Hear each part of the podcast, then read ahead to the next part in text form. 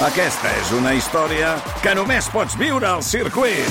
24, 25 i 26 de maig. Gran premi Monster Energy de MotoGP al circuit de Barcelona, Catalunya. Compra ja les teves entrades a circuit.cat. Viu-ho! Si t'agraden les sèries i els documentals, a Montse Interiors trobaràs el millor confort per les teves maratons de sofà, tele i manta. Montseinteriors.com i les seves botigues t'ofereixen aquest espai.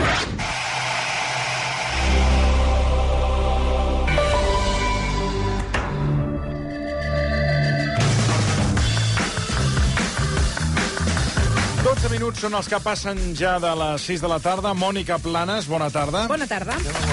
Avui també amb la senyora Fletcher. Senyora Fletcher, bona tarda. Oh, encantada d'estar amb vostè. Ens ajudarà a intentar dilucidar què és el que va passar amb la- la- amb l'incendi de l'edifici Windsor. Misteri sense resoldre. Uh, bueno, sí. queda mig resolt, podríem dir. No, Sí, hi ha coses que es resolen i, I d'altres que, que no resolen tant. Que, que pots opinar.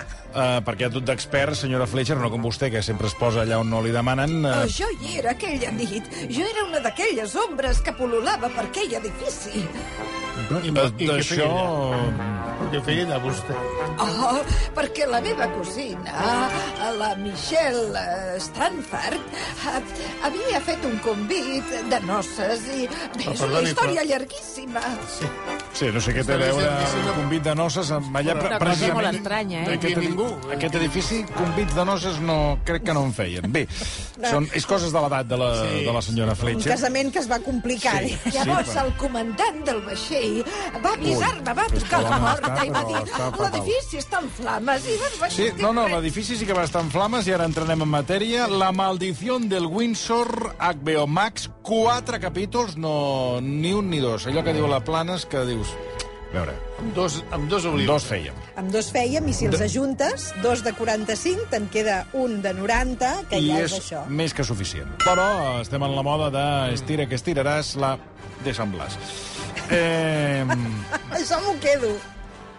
Sí, sí, fer la pausa dramàtica i aquí cadascú que incorpori la paraula que consideri. Estira que estiraràs la de Sant Blas. Bé, eh, metodologia de treball de fa un grapat d'anys quan a la ràdio no arribàvem els temes eh, a omplir l'hora i doncs estiraves les coses. Eh? Bé, entrem en matèria. 12 de... Ens hem de situar, ens hem de remuntar al 2005. Exacte, 12 de febrer del 2005, per tant, ara acaba de fer 18 anys, s'incendia... 18 el... només?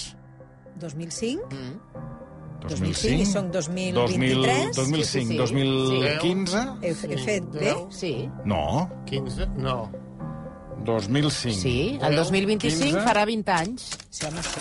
Bueno, Per tant, perquè- dos anys no, menys, Saps per què m'ha sorprès? 18 Perquè anys. les imatges Sí. que surten, tot es veu d'un antic, els cotxes, les envol... Tot el que surt és com, com dels anys 70, saps? Per això he tingut una mica... Bé, hi ha unes imatges d'arxiu Sí, que... no, no, també, això però... És el 1955, sí, però, bueno, però, dic perdona, perquè... però, però el, el, el, Potser- no, no, però el cos de bombers i tot, Ah, sí, tot el que sí. surt...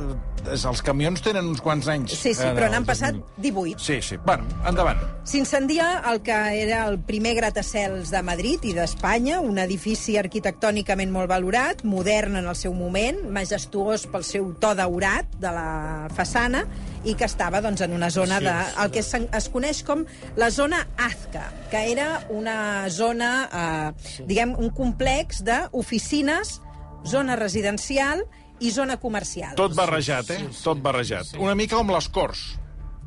Ah, d'acord, sí, bueno, sí. perquè, aquella clar, les Corts ha- tens el Corte Inglés, Sí. tens els, els edificis de la Caixa, la que és dos. Sí, gratacels... Però vas cap la- baix... I, va, I amb vivendes. I a- i a Vull dir que cases, tot sí, és, sí, saps? sí, és sí, una sí, mica un, sí, una, sí, una barreja. Hi havia aquests edificis de- d'oficines, Ah, el. Corte Inglés tocant el Windsor, Ah, exacte. i també hi havia veïns que, per tant, Ah, van exacte. poder veure fàcilment Sí, sí. com es produïa aquest eh, incendi perquè tenien el balcó donant a, a l'edifici. L'edifici era la seu de grans empreses. En el Windsor estaba Garrigues Abogados, uno de los bufetes más importantes del país. En su poder, información confidencial de los litigios más sonados. También estaba Comparex, una empresa que custodiaba documentos reservados del Ministerio de Defensa. Y Deloitte, probablemente la auditora más importante del mundo y que se ocupaba de revisar las cuentas de la mayor parte de las empresas de la bolsa española. Deloitte. Quedeu-vos amb Deloitte? Mira, repartit, em vaig, apunt, vaig apuntar, pels pisos, eh? eh? Aquí es demostra qui tenia calés i qui no. Garrigues, eh, set, dos plantes, 7 i 8. Fixa't. El Comparex del Ministeri de Defensa, aquesta empresa que guardava secrets de, del Ministeri de Defensa, només una planta, la quart. Ja en teníem prou. I de la 3 a la 26, a la 26, tot Deloitte. Fixa't. Que aquests són els que... Aquests, to- aquests, el aquests en tocaven. Aquests són els que tocaven. Sí, Anem a veure com s'origina el foc, calleu. Al principi. Aquí tenemos aproximadamente una reproducción de la maqueta donde se origina el incendio. Fan una maqueta. eh? Cuando suenan los detectores de incendio y avisan al guardia jurado indicándole que el incendio está en la planta 21, 21. accede mediante uso del ascensor, se acerca, mira por el cristal y ve una llama de 50 centímetros más o menos en el entorno de donde se encuentra la papelera. Avisa a la central de abajo diciendo que no puede abrir la puerta porque no tiene la llave. El vigilante, cuando subió a atender la alarma de incendios y llegó al despacho 2109, se asoma por la ventana, esta de cristal, que tiene 40 centímetros de ancho y llega de arriba abajo, y se asoma y ve el fuego debajo de la mesa auxiliar. No, no, un moment, un moment. Ah. És que ara eh, suposo que això segueix, Això segueix. de la metodologia del de que és eh, els guardes de seguretat, el cos de seguretat de l'edifici, la manera professional de la que van actuar. De moment tenim el foc sota una taula, sembla ser Una que d'una paperera. Sí. El foc eh, crema sota la taula, el despatx està Tancat. tancat, i, per tant, no tenen la clau i la necessiten. Y avisa al compañero, bajo por la llave. Ell, y pierde un tiempo bajando y subiendo. Cuando lo más normal es que el otro compañero que subía cogiese las llaves ya. Claro. Cuando él vuelve a subir con la llave del despacho y está su compañero aquí, entre los dos ya no pueden abrir esta puerta porque algún obstáculo impedía la apertura. Abandona el local para avisar a bomberos. Se ha perdido un tiempo muy importante, muy importante. Perquè agafar un extintor i trencar el vidre de 40 centímetres no, se li acudeix a, a ningú. bueno, és que em sembla que no n'hi havia.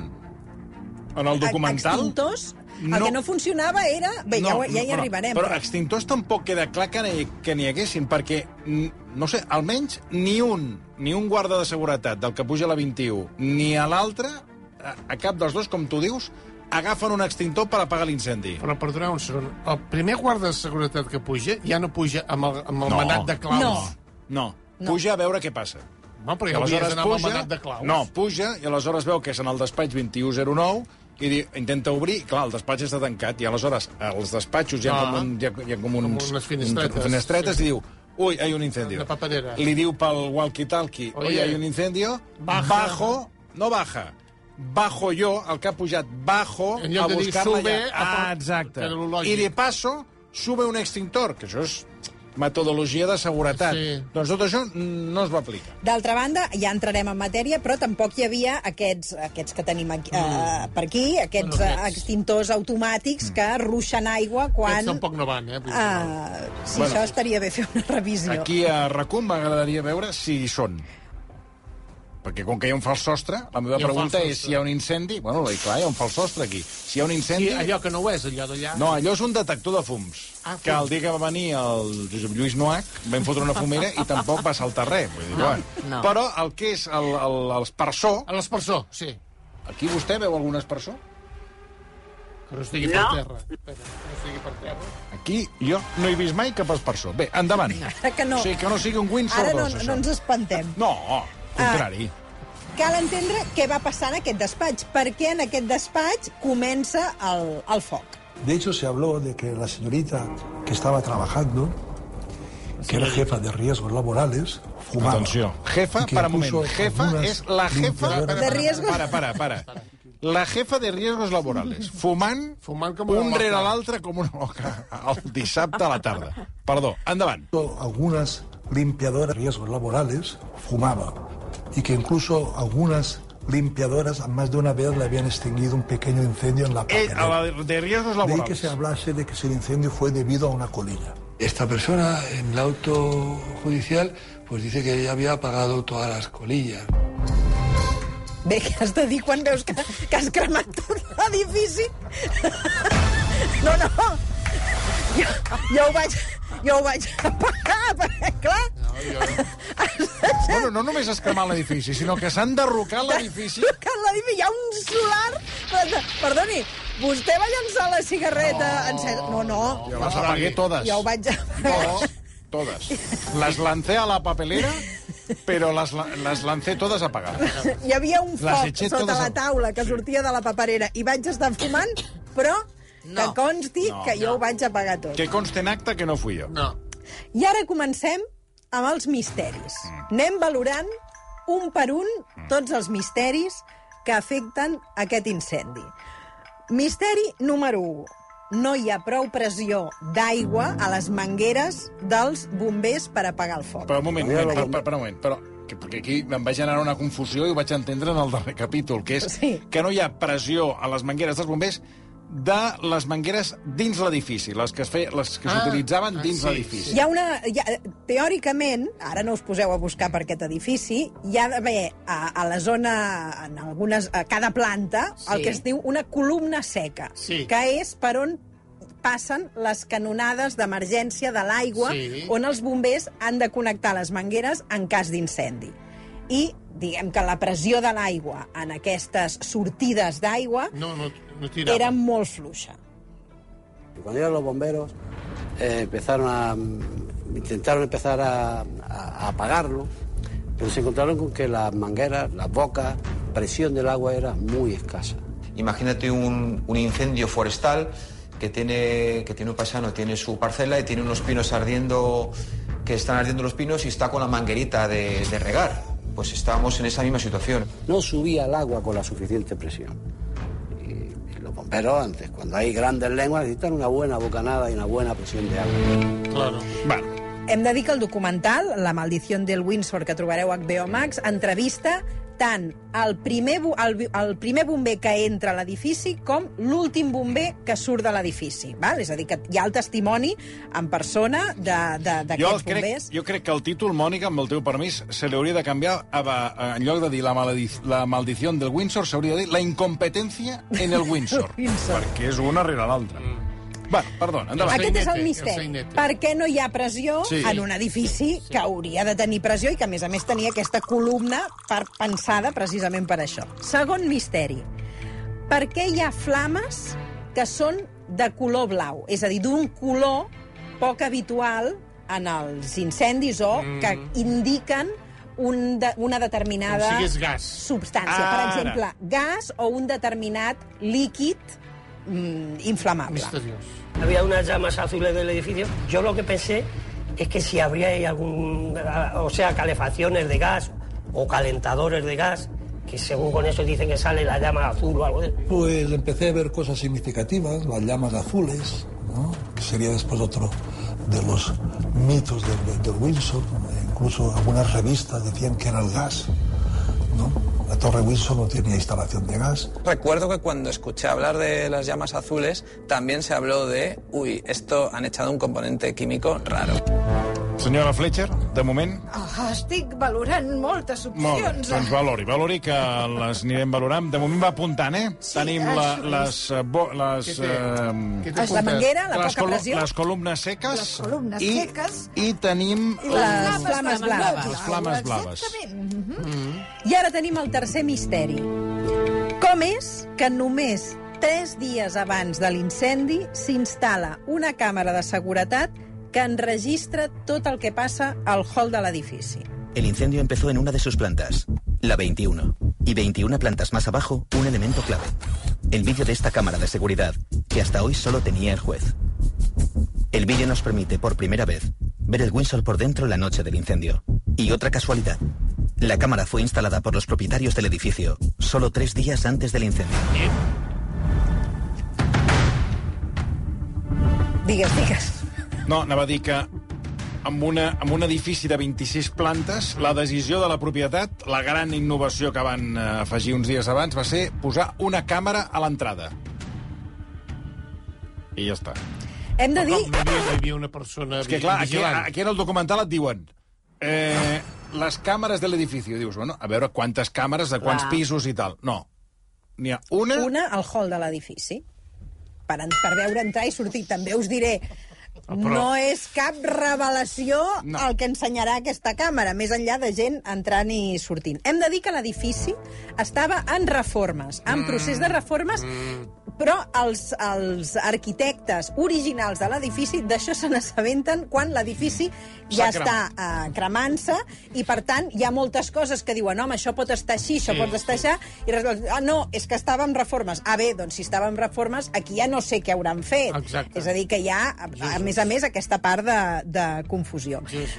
A més a més, hi havia un sistema d'an- d'antiincend- uh, un sistema antiincendis instal·lat, nou, però no Ah. activat. S'havia d'activar al cap d'uns dies. O sigui, tot... Que també tot és casualitat que la, la, la, o sigui, els... Eh, El sistema. No, vull dir, això, això de, les, del, del, Seca, això de la seca. columna Columna seca, seca. no, no, no, no estigués en condicions. El, la càmera s'havia instal·lat uns dies abans i només funcionava aquesta de l'entrada i surt, que això sí, amb el document és interessant, perquè veus com entren els bombers, com surten els bombers, surt la senyora Clotilde de los riesgos laborales, Sí. que se li veu un Li, tros de li cabell. veiem el, els cabells. Sí. Na-. Deixa'm dir que, que quina, o sigui, l'incendi passa un dissabte a la nit, l'única persona que hi ha a l'edifici és una dona que està treballant hores extres. Que fumava. Eh? Vull dir Que fumava. Que és l'única de l'edifici, teòricament. L'única de l'edifici que ha anat a treballar amb dissabte és una dona. Exacte. Quina, quina casualitat, eh? Bueno, és el dia... El, potser el La única que va anar a treballar i que no parava, segons Això els sí, pèrits, fumar. A fumar. a fumar, para, no parava de fumar. Anem pel misteri 4, que aquí ja Ah, entrem calla. en matèria una mica delicada. I és, què passa amb la documentació de l'empresa Deloitte Cuidao. Que s'ha d'entregar a la Fiscalia Anticorrupció Ep. al cap de dos dies. I aquí és on entrem en la temàtica més delicada i misteriosa. Um, hi havia una, la Deloitte havia de fer una auditoria a FG Valores. FG Valores era una empresa de Francisco González. Aquests documents havien de servir per investigar si la venda que va fer el 1996 aquest senyor de FG Valores a Merrill Lynch va ser irregular.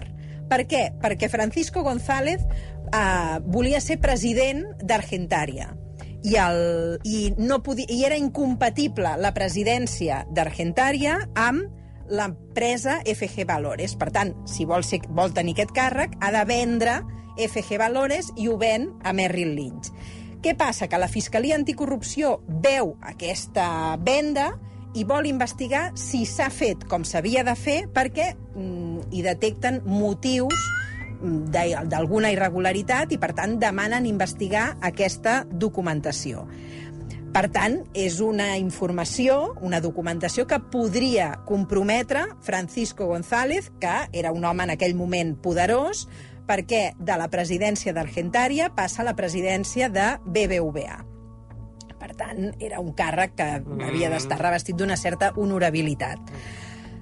Anem a, a, anem a PAMS. Qui és Francisco González? Francisco González es uno de los banqueros más importantes.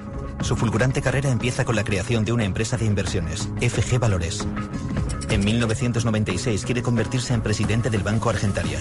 Pero para conseguirlo deberá vender FG Valores por incompatibilidad de cargos. Francisco González vende FG Valores y se convierte en presidente de Argentaria. Un año después fusiona Argentaria con el Banco Bilbao Vizcaya y forma así el Gran Banco Español. Finalmente, en el 2000, se convierte en presidente único de la entidad y en uno de los banqueros más poderosos del país. I bé, què passa si no es troben aquests papers? Recordem, uns que s'havien d'entregar dilluns i es cremen dissabte. Què passa si no es troben? La Fiscalía Anticorrupción decide, por iniciativa propia, investigar este caso. Entonces, le pide toda la documentación al auditor. Qué casualidad. Llega la Fiscalía Anticorrupción, te está pidiendo la base documental y se incendia la torre. En teoría, todas las empresas te decían que no habían perdido nada, excepto los papeles de Francisco González.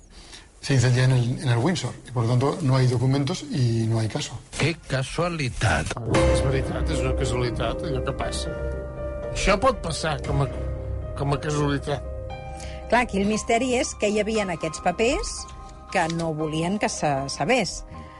Però els responsables, El que- el- els responsables que van fer l'auditoria no podien explicar les conclusions que havien posat en els papers, perquè jo penso, molt bé, els papers s'han cremat, però hi ha una gent que ha redactat aquells papers. Se'ls havia que- d'investigar per dir, que- escoltin, Algú ha de tenir còpies d'aquest paper. no, no, no ha- còpies. no Ningú té còpies. No còpies, però dir, vostès a quina conclusió van arribar? Ningú o sigui, té còpies. Que, que hi havia en aquests papers? I tot ve per jo, una no petició sé. del banc Merrill Lynch que quan es fa aquesta Venda. compra per part de, no, per de, de, de l'expresident del, del banc BBVA, Francisco González, quan fa la venda, ell eh, cobra uns diners i, eh, segons Merrill Lynch, aquesta cartera de valors mm, està devaluada, és a dir, No valia el que, el que van no, pagar. segons Merrill Lynch, eh, hi ha una diferència del valor de 800 milions de les antigues pessetes. I d'aquí que Merrill Lynch denunciï o vulgui investigar realment la, aquesta cartera de valors de Francisco González, quin valor real tenia,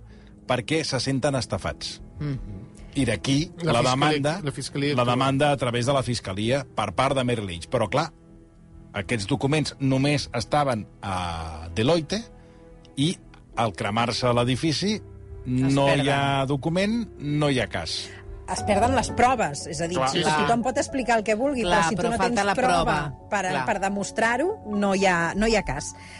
Mentrestant, el foc continua cremant. Aquell foc eh, era cada vegada més virulent, cada vegada afectava més plantes, el foc comença a baixar, els bombers decideixen abandonar l'edifici, creuen que l'edifici es pot començar a esfondrar, apareix el que en, ells anomenen el síndrome de l'11 de setembre, i és quan hem de pensar que això és el 2005, el dos- l'11 de setembre era el 2001, sí, sí. per tant, en certa manera es, es crea una sensació de pànic a que l'edifici pot ensorrar-se en algun moment. Això se'ls hi critica als bombers, que aquest síndrome pot fer que abandonin l'edifici d'una manera més precipi precipitada del Abans que d'hora, sí, caldria. A partir d'aquí comença a aparèixer l'especulació periodística sobre l'actuació dels bombers, però també sobre tots els misteris que estan afectant aquesta incompetència general al voltant d'aquest accident. I el gran dilema, és un accident o és un sabotatge? Els bombers abandonen l'edifici gairebé a la una de la matinada. I resulta que a les 3.50 de la matinada, uns veïns detecten unes figures humanes a la planta 16. Misteri número 5. Qui, què són aquestes figures que es veuen a través de la finestra quan, teòricament, els bombers ja han abandonat l'edifici i asseguren que no hi ha ningú dins de l'edifici. Y fue cuando, en esta información, pues eh, percibo y aprecio directamente con mi vista que habían personas eh, dentro del edificio, en una planta 12 o 15 aproximadamente, no lo recuerdo bien, y esas personas pues no solo estaban en esa planta, sino que además iban moviéndose, iban encendiendo y apagando luces y de pronto veíamos que había actividad en aquel lugar. Ya me pareció un poquito más raro cuando salieron las imágenes de aquella vecina que había grabado aquellas siluetas. En cualquier caso, a partir de ahí yo creo que ya tomó un cariz extraño el incendio. Yo veía que tenían algún elemento en la mano, se veía una linterna, Sí, sí. Y es cuando, bueno, llamé la atención de mi esposa de que en las noticias de Telemadrid informaban que no había nadie en el edificio y por el contrario, pues estábamos viendo en directo que sí que habían personas. Y es cuando le, le- le- le informé de que, bueno, de que grabase, de que grabase esas imágenes. Sí, sí, i es veuen, eh? A la planta 16 que hi havia, ens ho podeu... 15? O A la planta de la 16 3, hi havia... Deloitte. Deloitte. A la, Deloitte. De la 3 a la 26, Deloitte. Deloitte. Sí, sí. Uh, aquest veí, aquesta persona que parlava ara, és aquest senyor que estava a casa d'uns amics i que veu ell uh, això i amb la seva dona ho graven. Truquen al 112, els hi expliquen i els hi diuen que són bombers. A ell li estranya aquesta, diguem, incoherència entre el que diuen els mitjans de comunicació i el que li diuen al 112, i es comença a debatre si aquelles siluetes són reals o pot ser un efecte òptic d'un reflexe d'algun edifici que hi hagi al No, davant. no. És veritat que quan veus les imatges no semblen un Ja, reflex. Des del primer moment ja Home, veus que no és un reflex. no és un reflex. És, és tractar-te d'idiota. Ja, Però exacte. és el que es va insinuar i fins i tot era una versió dels propis bombers que deien Sí. que si eren reflexes. Sí, sí. Que al final la policia judicial eh, va començar a investigar va dir que no s'aguantava per enlloc, el dels reflexes. Amb tot, hi ha qui elabora la tesi Mm. sobre els reflexes, és a dir, cadascú Sí, aquí no, no, hi clar, posa la, la, sí. la versió que més Sí, li, li convé. Ah, no sé si recordeu... Sí, encenien i tancaven unes Home, lots. i tant, anaven amb els al·lots buscant uns papers. I no sé si recordeu que molts mitjans van mm, difondre la tesi que aquelles siluetes semblava que estiguessin practicant sexe mm, en aquelles oficines en, en unes circumstàncies una mica de Oh, risc. doncs això és una informació rellevant per a Sobretot, sobretot que estiguéssim fent sexe en un edifici que està a punt de col·lapsar. Jo recordo que en aquell moment hi havia molta gent que llavors es va posar a És el parlar... millor- Cinc pisos amunt hi havia un focardal. Sí, sí, però això va donar, no sé si ho recordeu, Sí, sí, jo recordo que en aquell moment es va començar a parlar de uh, gent que li agrada practicar el sexe en situacions de risc. No, no, allò era max, de Home, màxim risc perquè els bombers havien arriscat que desallotjat l'edifici i a l'edifici estava, estava caient a trossos.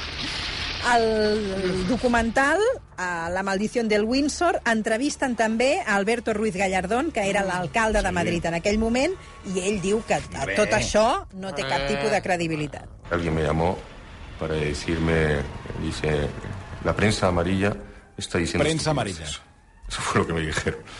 Digo, ¿qué estupideces están dijeron? O sea, que había gente en el edificio. Era técnicamente imposible. Con el- la temperatura que tiene el edificio no puede haber nadie vivo dentro. Y por eso era una estupidez técnica. Era una estupidez técnica. Ningún medio de comunicación serio y responsable le dio credibilidad a aquello. Home, no sé què dir-te, eh, d'aquest record. Jo diria que hi va haver molts mitjans que van eh, que sostenien aquesta tesi. Bueno, és que ell parla com si ell tingués la veritat absoluta, quan dius, a veure, eh, hi ha algunes qüestions que encara no s'han resolt. No s'han resolt, exacte. Després hi apareix una dona misteriosa que Mm. sembla... Sabeu Sí, aquella faula de la dona de la, cur, de la, la dona de la Sí. curva? Sí. Doncs aquí apareix una història semblant i l'explica el director general d'Emergències Sí, de sí. Madrid en el documental. Sí, sí, és a dir, sí, que sí, no sí. és un rumor ni No, és algú no, no. que estava a la zona eh, zero i que mm, viu aquesta anècdota. En un momento determinado, yo no sé por qué estoy eh, cerca de la Castellana. Y en ese momento llegó efectivamente un coche de alta gama, coche negro, o al menos a mí me pareció negro a esas horas de la noche, o por contraste con el abrigo que llevaba la persona que salió del vehículo, que era completamente blanco. Había un conductor, paró, la señora salió del asiento de atrás y se fue directo, muy decidida. Policía Nacional la dio el alto, le dijo que no se podía pasar. La señora dijo que ella era dueña del edificio y se metió para adentro. No, Aquesta explicació m'ha sorprès una mica, perquè, clar, Sí, sí que no soy la dueña del edificio. Ah, pa- Pues pase usted. Passe, passe. Adelante. I llavors resulta que et diuen que és impossible que hi hagi algú a dins, però resulta que si arribes i ets la mestressa de l'edifici, pots passar i entrar per la porta gran. I aquell que escoltava més el cap d'emergències que no en tenia res, perquè, clar, diu, arriba aquesta senyora, baixa del cotxe amb un abric blanc, com si vingués de festa. Molt Oiga, adequat per anar amb un incendi, molt, també. molt. Déjeme pasar, que soy la dueña del edificio. Ah, pues Bueno, pase, és adelante. casa teva, escolta. Venga, que Ja me s'ho- sé lo, ja que, que, que me sé lo bonzo. Uh, arriben a la conclusió que aquesta senyora, eh, aquesta senyora és l'hereva de Julián Reizábal. Julián Reizábal és el propietari original de l'edifici i aquesta senyora era la seva hereva, per tant, la propietària en aquell moment. A partir d'aquí... La el- que cobrava de, de, de, de totes els aquestes lloguers, empreses. els lloguers, la que cobrava els lloguers. Um, a partir d'aquí el documental comença a explicar-nos qui era Julián Reizábal, que és el típic home fet a si mateix, Mm. que acaba tenint una fortuna, Passa molt, això. i quines dinàmiques familiars tenia doncs, aquesta, aquesta gran família i com es van repartir l'imperi d'empreses i com fan els diners. Ah, llavors, a partir d'aquí ens expliquen que és un senyor que fa els diners amb, primer amb cinemes d'estiu. Passa, primer fa de comptable, veu que això dels cinemes és un negoci i passa a fer uh, cinemes a Madrid i locals d'oci, després passa a fer dis- Discoteques. discoteques, bars de copes, perquè ell veu que, per exemple, un cop té tots els cinemes, diu, calla, que quan la gent surt del cinema Mm, vol fer una eh. copa, doncs al costat de cada cinema hi posa Una sala de una festes. sala de festes Sí, perquè sí. Puguis completar la tarda. feia l'Iñigo, feia Sí, el directíssimo, preciós. feia sales de festa on hi havia taules Sí. eh, per prendre una cosa, actuacions en directe, Actuacions. humoristes, Ara, ara. i aleshores amb aquesta, amb aquesta dinàmica va començar a fer també les pel·lícules del Destape, perquè, clar, tot era una roda. Per tant, aquí entrem, que en el documental, sí. si el veieu, doncs descobrireu tota aquesta trama familiar d'hereus barallats entre ells, Mm. conflictes, i eh, diguem, allò que l'imperi va degradant-se i que, per tant, les coses ja no donen tant de sí com donaven a l'inici. I aquí hi ha també part de la tesi que contribueix a incrementar aquest misteri. Misteri número 7. Podrien ser fantasmes... Això sí que aquí, aquí, perdona, aquesta part és allò que diem la... és Sant Blas. Sí. O sigui, mm, això, aquest apartat És que el del que documental... explicarem ara, sí. És que el tros aquest el vaig avançar. No, no, no, no, no, no, no, ¿Fantasmas qui? No. No, no, no, no. Es que de eso han Las hablado cuarto- en aquellas. Cuarto Las Milenio sombras. han hablado Ara, és, extensamente. està dedicat a Quarto en Milenio, Cuarto aquest Milenio hemos apartat. hablado mucho de eso. Bueno, de fet, surt Iker Jiménez, Sí. eh, que es nota que queda, queda bé. Iker Jiménez amb Sí, sí. el seu nivell de rigor i... Com sempre. Eh? Sí, sí. Bueno, no, Doncs feu, això. no feu mofa i befa i escoltem. Eso, eso. Què fa el documental per intentar contrastar la tesi dels fantasmes? Atenció. Doncs consulten a Pedro Amorós, que és un parapsicòleg, per veure si es podrien tractar de fantasmes i aquest senyor Cuidao, eh? defensa que hi ha doncs, llocs encantats amb manifestacions de caire paranormal, com la pirogènesis, que són quan els objectes es cremen sols. ¿Puedes, por favor, decirnos quiénes eran esas figuras que se movían Ho estan en aquel entonces? fantasmes, eh? Hace 16 años. ¿Eran fantasmas? ¿Ha habido algo? Es que por ahí se oye como una máquina de limpieza. Vamos, Sí, está, está todo el rato. Pero No, no, de yo fuera lo que no se busco oye es- nada. Quiero decir, que Claro. tú señalizas, pero yo no escucho nada raro. Claro. Repito pregunta. Vamos a centrarnos fantasmas. exactamente en esas imágenes. ¿Eran fantasmas? Recuerda tú también, Marta, esas imágenes, visualízalas de la que ocurrieron hace 16 años. Estás viendo la respuesta. Lo sé. Esto es un no rotundo, vamos. Perquè la seva ajudant porta dos palillos. Sí. Sí, són les varetes Però aquelles electromagnètiques. Uh, ho fan a, al, al, com Al a- carrer, a al l'entrada de carrer l'edifici. on hi havia hagut l'edifici. Sí, sí. I llavors hi ha la seva, aju- l'ajudant del parapsicòleg va amb dos palillos, bueno, No, dos no, són, varetes. són les varetes de Saurí. Sí, sí. Ah, doncs Són aquestes Saurí, varetes, sí. i quan fan aquesta pregunta a, T'ha de dir que sí o que no. als esperits, o no sé qui li fan, sigui, sí. el, els... El pal. eh, Se els- separen. Se separen. És no. És no. Sí, sí. I ja està. Doncs no són Va, fantasmes. aquesta part Però perdoneu un segon. la podeu obviar perfectament. No. Dir, perquè I és, està clar que no són fantasmes, són dues persones que estaven en l'edifici a la planta Ah, 7. I allò de la combustió espontània que no s'ha explicat, Sí, que sí. és una persona... Va, digues, Sen- Sen... ara que fan recitis. Digues, digues, perquè podem estar aquí fins demà a les 7 de la tarda. una persona... Bé, digues, digues. va. S'encén de casualitat en el despatx que fumava una, una senyora. Aquesta entre, les entrevistes fetes amb radioestèsia també tenen, Sí, permeten no, no, molta no, credibilitat. bueno, sí, sí. Perquè, clar, um, després hi ha la, la teoria que hem dit d'abans dels Mm. uh, reflexes. Apareix un nou misteri, el, fu el forat, un botron. Sí. Des, de cop descobreixen un botron a la base de l'edifici, un sí, forat, veu com si algú hagués fet un forat No, no, no, no, no. a la façana Mhm. per entrar dins l'edifici i no ser vist pels bombers i per la... I la càmera aquella que, Que no havia. fos per on va passar la propietària de l'edifici, la, del, la de l'abric de color blanc. Exacte. Aquesta tesi es resoldrà res, al és final que tot, del... al final del, del documental queda pràcticament tot resolt excepte una qüestió. I misteri número 8. Estaria Villarejo Aquí està. Ara. Que també surt en aquesta trama. implicat en la desaparició dels documents que podrien Cuidao. inculpar Francisco González?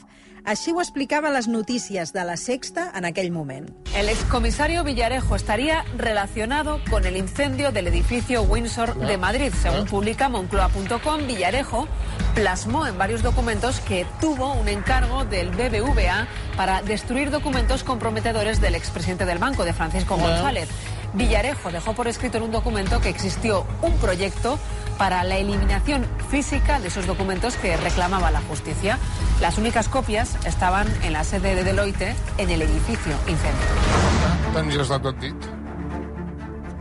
Villarejo anirà apareixent en diverses ocasions. Ja està tot dit. Ah. Villarejo fins i tot està ara al vestidor del Barça amb les possibles lesions, perquè està a totes les salses. Eh, realment apareix allà. A més a més, t'expliquen tota una trama, que que aquesta em No, va no, semblar no. molt interessant, sobre com Villarejo té un despatx molt en aquesta Sí. mateixa zona d'edificis, i al final totes les parts enfrontades tenen oficines en aquest barri, de tal manera que per les finestres gairebé es veuen. veuen els uns Hombre, als altres. hombre. Aquesta és la part que a mi em va semblar més sucosa del, del documental. Hi ha una cosa molt interessant. El president de Sassir aspirava també a presidir el BBVA i també formava part d'aquest veïnat. Al costat. I quan veu l'incendi del Windsor, ho entén com una demostració de poder i això atura les seves aspiracions perquè ja ho troba excessiu. És a dir, ell comença a veure Claro. que és una manera d'avisar-lo, perquè, clar, ell ho veu des del seu despatx, com aquell que diu des de la Mm. cadira del seu despatx, diu, si aquests són capaços De cremar. de fotre foc a l'edifici, Sí. uh, jo més val que em retiri, Sí, perquè. Home, ell acaba dient que té clar que si intenta, continua aspirant a aquest càrrec, pot ser que no conegui els seus nets i, per tant, decideix que es retira uh, veient les falles del, del Windsor. ben fet. Villarejo treballa pel BBVA Atenció. entre el 2002 i el 2017. Acaba cobrant uns 10 milions d'euros No són euros. i és curiós perquè, teòricament, un funcionari de l'Estat no podia tenir uh, aquest Exacte. tipus de, de, De remuneracions. remuneracions extres de l'empresa privada. Casualment, el fiscal anticorrupció que entrevisten en aquest documental no troba important No. els vincles de Villarejo amb el cas. Yo sobre las informaciones que surgieron últimamente, sobre si algunas anotaciones que pudiera tener el señor Villarejo sobre el incendio y sobre la petición que se había hecho Nada, al nada. auditor de determinados papeles, pues eh, a mí no me hacen cambiar mi opinión, mm, la que tenía entonces y la que sigo teniendo ahora, de que no existe ningún tipo de conexión causal entre un hecho y otro. No hay en ese caso. sentido, consideramos que la viabilidad de un procedimiento penal era nula y que por lo tanto no procedía seguir eh, investigando o incoar un procedimiento penal sobre estos hechos. No procede. Senyoria, no procede. Bé, en el quart capítol és quan es comencen a resoldre... Eh, Els misteris. Tots els misteris. Perdoneu, me'n deixo un altre. Ah, calla. Un altre misteri. Per què s'enderroca tan ràpid l'edifici? I és que en cinc mesos està tot a terra i només queda el solar. I aquesta és una de les altres tesis que també eh, s'acabaran d'explicar en l'últim episodi. Per mi el més interessant de tots és el capítol 2. El primer i el segon són els més sucosos en aquest sentit. El, el quart intenta com... Tancar aclarir les portes eh, obertes. tesis, les que sí, les que no i les que no sabrem mai. En aquest sentit és una mica decebedor perquè no hi ha una investigació nova, sinó que en certa manera és com un resum de tot el que es va saber fins a aquell Ah, Però hi ha un moment. detall que hem tingut al davant tota l'estona i no, no l'hem sabut veure. Per què es deia edifici Windsor? Què tenia que veure la casa reial del Regne Unit en tot això? Potser era Camila eh, Parker Bowles, la dona que va baixar d'aquell cotxe? Ah, això ho hauríem d'investigar, sens dubte. Ah, senyora Fletcher, ho expliquen en el documental. Ja m'han fotut un altre cop el capítol! Sembla que la W era un element molt atractiu en un edifici que havia de demostrar certa modernitat. Reial, ah. I a la història aquesta dels Windsor, diguem que li donava A la aquesta mena prestància. de prestància Mm. uh, i majestuositat a, a l'edifici. Mònica Planes, ja ho sabeu, el- l'incendi, no, no. El... La maldición. La maldición. La maldición La maldición o la, in- o Windsor, la incompetencia, la incompetencia del de Windsor. l'edificio Windsor. A HBO Max, quatre capítols de 45 minuts. Vinga, doncs uh, gràcies, Mònica. Gràcies Obrim una cervesa i acabem programa avui. 48, 49 i 50! A Montse Interiors hem arribat al nostre 50è aniversari. Tots aquests anys no haurien estat possibles sense la confiança de clients, treballadors, col·laboradors, amics i fins i tot competidors. Gràcies per fer-nos costat. Qui sap què ens depara el futur? El que tenim clar és que ara som més que una empresa familiar.